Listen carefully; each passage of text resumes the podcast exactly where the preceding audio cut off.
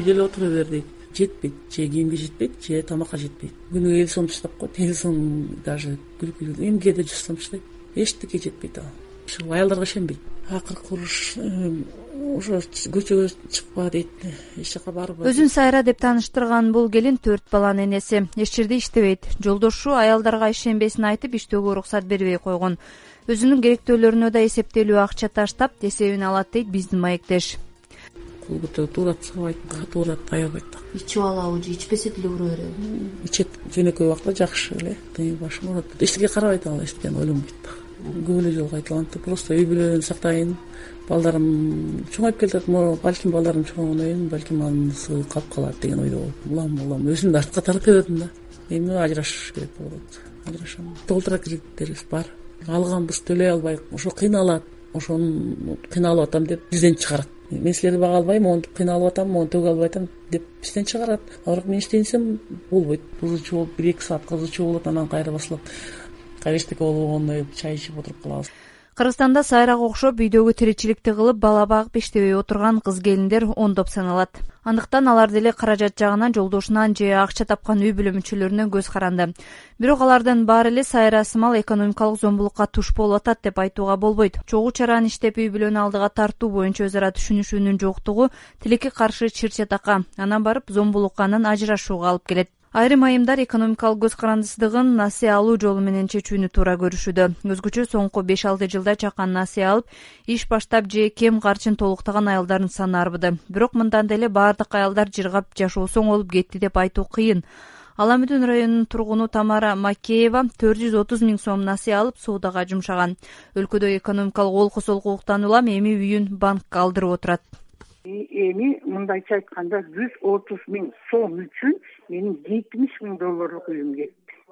Алып койду. Мен бир жабыркаган эне катары эсептебейли мени ар түрлүү атка да кондурду. Обончу деди деги тигиндей жаман иши кылып өзүм сегиз баланын энесимин бирок укпаган атым калган жок. Мен чындыкты таба албадым эч бир менин сөзүм сүйлөнбөйт укугум баары тепселди потребительский кредит деп алып атам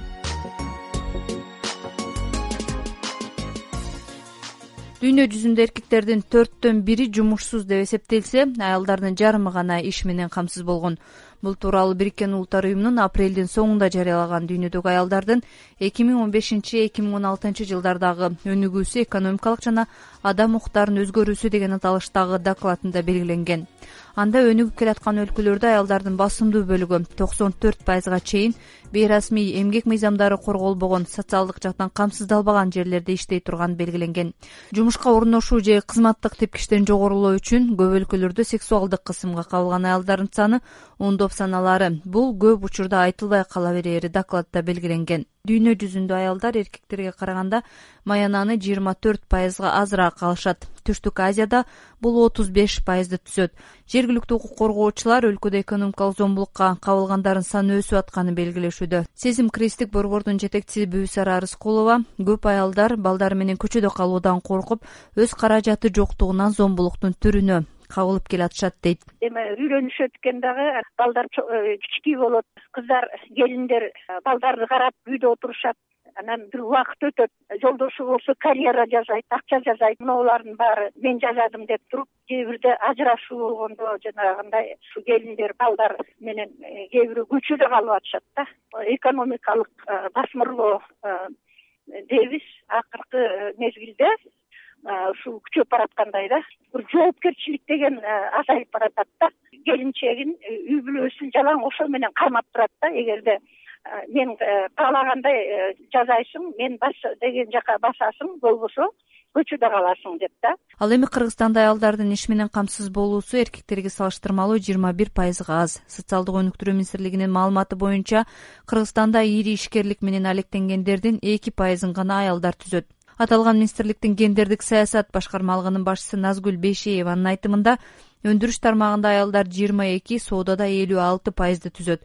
Өзүнүн жеке ишин ачкандардын арасында он тогуз пайызы айымдар. Ошентип аялдардын басымдуу бөлүгү экономикалык көз карандысыздыкка базар соода аркылуу чет жакта өзгөчө казакстан менен орусияда иштеп келүү жолу менен жетүүдө. Бирок бул кыз келиндердин укуктарын камсыз кыла алган жок. Анткени менен адистер айымдарга чакан бизнес ачууну ишкерликти үйрөтүү зарыл экенин белгилеп келишет назгүл бейшееванын айтымында элет аялдар үчүн азия өнүктүрүү банкы менен экономика министрлиги атайын долбоорду ишке ашурууда анын алкагында кыз келиндер ишкерликти үйрөнүүдө. Биз айтып атабыз экономикага көз карандысыз аял бүгүнкү күндө. Ошол аял гана э, бийликке жете алат. Ошол аял гана э, жакшы туура мындай заманбап тарбия бере алат балдарына. Мисалы да орчундуу роль да. Ошондуктан ушул экономикалык мүмкүнчүлүктөрүн кеңейтүү боюнча э, бир көп э, иш чараларды аткарылыш керек да. Элет аялдагы аялдар көпчүлүгү бош иш менен камсыз болгон эмес Э, балдарын багып үйдө отурушат. Керек болсо жанагы коро жай э, иштерин э, баягы сельхоз работаларын бүт баарын эле аялдар кылат. А мындай келгенде баягы ошол аялдар элеттик аялдар көбүнчө жанагы акыны албай калып атат да бекер эле иштеп атат да. Ошончо канча түйшүк мисалы да. Ошон үчүн элеттик аялдарга биз шарт түзүп беришибиз керек. Мисалы үчүн мына алар уйларын саап сүттөрүн жөн эле тапшырып атат. Сүттөрдү переработка кылып ошолорду эле жанагы мектептерге болуп аткан бала бакча интернат берип цех ачып берсек ал жерде иштеп э, алар дагы иш менен бир ирет камсыз болот эле пайда табат эле пайда көрөт эле мындай долбоорлордун артынан ондогон аялдар чакан бизнесин ачканга үлгүрдү. Баткенде кыз келиндер кала берсе кемпирлер арасында күнөзканаларда жашылча жемиштердин көчөтүн өстүрүп сатуу мөмө жемиштерди кайра иштетүү менен аялдардын экономикалык көз карандысыздыгын камсыздоо аракети жакшы натыйжасын берип келүүдө. Мындан тышкары кол өнөрчүлүк менен алектенген кыз келиндер да жасаган оокатын бишкекке чейин жеткирип сатууну колго алгандары да бар. Кененирээк жеңиш айдаров айтып берет учурда баткендин базарларында помидор баклажан пияз капуста жыттуу чөптөрдүн көчөтү сатылган чоң жолдун боюнда кыжы кыйма киши. Бири помидордун сортун сурап жатса дагы бири көбүрөөк сатып алат элем деп арзаныраак сатуучуну издеп жүрөт. Төрт баланын энеси жамил эже быйыл биринчи жолу тамаркасынан туурасы бир метр узуну беш метрдей жерге парник кылган. Көк пияз айдап жыйырма күн күнүнө бир сааттай эмгек жасадым дейт. Азырынча тапкан пайдасы төрт миң сом. Капуста канча капуста? Элүү сом mana shu piyoz o'zi shuncha bo'ldi-da barakali bo'ldi bir kunda qancha soat ishlaysiz bugun ikki mol suv ichacham anан bir soat bir soat o'toyman ошол. Pul bo'lsa qiymat bo'lsa yaxshi pul bo'ladi qancha ishlaysizlar biri ko'p bo'lsa iki oyda tayyor bo'ladi qancha yigirma to'qqizinchi martda ekdik edi aprel may ikki oyga ham жетпейт экен. Ish oz эле жеңил эле. Suv эле болсо suv себесте эки мал ошол баткен облусунда жалпысынан отуз беш миң гектардай кара эгин айдалуучу аянттар бар. Анын он пайыздай парниктен алынган көчөттөр менен камсыздалыш керек. Урулк эже жашы алтымыш беште бир топ жылдан бери эшик астына парник айдайт. Бул киреше берүүчү тармак жумушу азыраак анан кыз келиндердин иши болгондуктан жыйырма күндө башка эгиндер үчүн жерди бошотуп беребиз. Тапкан пайда кырк кырк беш миң сомго чейин жетет дейт. Капуста болгарский пияз помидор капустаны жөн эле мындай өндүрбөйт экен. Помидор менен неме? Пияз. Жыйырма күндө тиге турган болду да. Өзүм эки мал суу себейм ошо. Өндүрүп только ким иштейт бул парник? Өзүм өзүм иштейм. Сиз жашыңыз алтымыш бешке артыргам кудайга шүгүр. Өзү жашыдан помидор неме эгип жүрөбүз да парниктип жүрөм. Жайыны кайтадан неме кылып эле бузуп туруп помидор тигип коем өткөн жумада баткенде аймактагы аялдарды чакан ишкерликтин сырларын атайын окутуп өткөрүшүп элеттик айымдарды экономикалык көз карандысыздыгын камсыздоо аракети болду. Облустук аялдар жана гендердик теңчилик бөлүмүнүн башчысы жумагүл сатыбалдиеванын айтымында акыркы жылдары аймактагы аялдар үчүн экономика жана каржыны башкарууга жакшы эле үйрөнүп жатышат. Ар бир жердин өз өзгөчөлүгүнө жараша окутуулар да өтүп жатканын айтат мисалы үчүн э, жеңил өнөр жайын өнүктүрүү аялдарды жумуш орундары менен камсыз кылуу деп биз атайын буйрук кабыл алып аракет кылып атабыз ушу аялдарды колдоо ар тараптан колдоо багытында.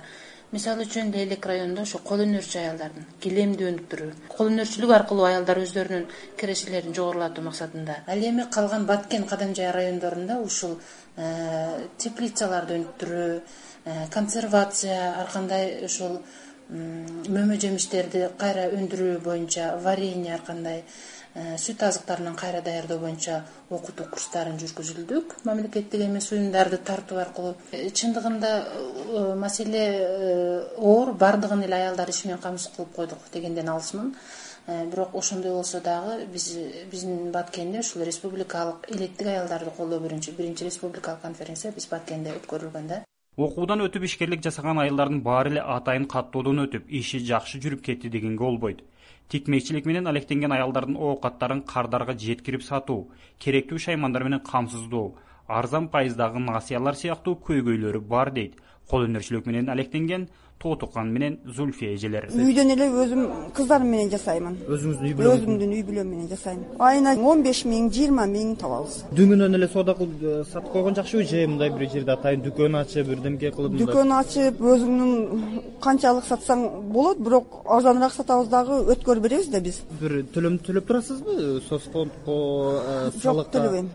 Эч нерсе төлөбөйсүз төлөбөйм. Жөн эле өзүм даярдаймын алып барып сатамын. Катталып атайын мындай э, жеке ишкер деп өзүңүздөрчө патент алып мындай иштесеңиздер болбойбу патент алып иштеш үчүн бизге неме бир үй болуш керек машина болуш керек э, жардам болуш керек да. Бизде чек аралаш границадан өтүү кыйын борбордон алыспыз өзүбүздүн өгөн товарларды бишкекке жеткирүү дагы чоң маселе. Биздин өзүбүздөн канчалык товар чыгарган менен алуучу кардарлардын табуу маселесинде кыйынчылыктарга көп учурайбыз анын үчүн мисалы мен жеке өзүм эле жасаган буюмдарыбызды жалаң ошо бишкекке кыялга жеткирип ошол жерде оптом арзан наркта берүүгө туура келет. Ошондой проблемалар. Ал эми ишкердикти өнүктүрүү маселесинде кээ бир шарттар бизге жетишсиз. Мисалы ошо бизде килем менен жүн тута турган атайын машинкалардын жетишпегендиги ошондой эле сайчу тамбурный машиналардын жоктугу э, аялдар үчүн түзүлгөн шарттар аябай жакшынакай колдорунан иш келгени менен кээ бир маселелерге муктаж. Баткен облус аймагында ишкер айымдардын атайын бирикмеси уюшулуп анда беш жүздөй мүчөсү бар. Азырынча ишкерлик менен алектенген аялдар башын бириктирген бирден бир уюмдун да иши жакшы жолго коюлуп кете албай турат жеңиш айдаров азаттык баткен. Кыргызстандагы кресттик борборлор ассоциациясынын изилдөөсүнө катышкан. Бир миң алтымыш эки аялдын алтымыш алты пайызы ар кандай экономикалык зомбулукка кабылганын белгилешкен. Алардын ичинен басымдуу бөлүгү күнүмдүк керектүү социалдык экономикалык мүлк укуктарын ажыратуу жашоо каражаттарынан ажыратуу эмгек укуктары боюнча зомбулукка кабылганын айтышкан. Бул иштөөгө чектөө киргизүү сыяктуу зомбулуктун түрү кыргызстандык аял бүгүн конституциялык укуктары корголгон бийик даражалуу инсан эне ишкер жана саясатчы. Бул биздин коомдун бышып атканы ошол эле мезгилде өлкөдө ар бир экинчи аял үй бүлөдө зомбулукка тушугат таяк жейт. Мындай эле кол көтөрүп же бетиме чабып жыл сайын он беш миңдей кыз ала качууга туш болот. Машинага аябай тыгып салышып эле алып качып кетишти да. Социалдык бейкамсыздык аялдарды митинг башына алып чыкты. Чындык жок экенди айланайын кудай деп жакамы кармап турам. Канымгүл элкееванын аялзат автордук берүүсүнө сиз да үн кошуңуз. Байланыш телефону нөл беш жүз элүү беш жүз эки беш жүз элүү беш сиздер аялзат программасын уктуңуздар. Берүүнү даярдап алып барган канымгүл элкеева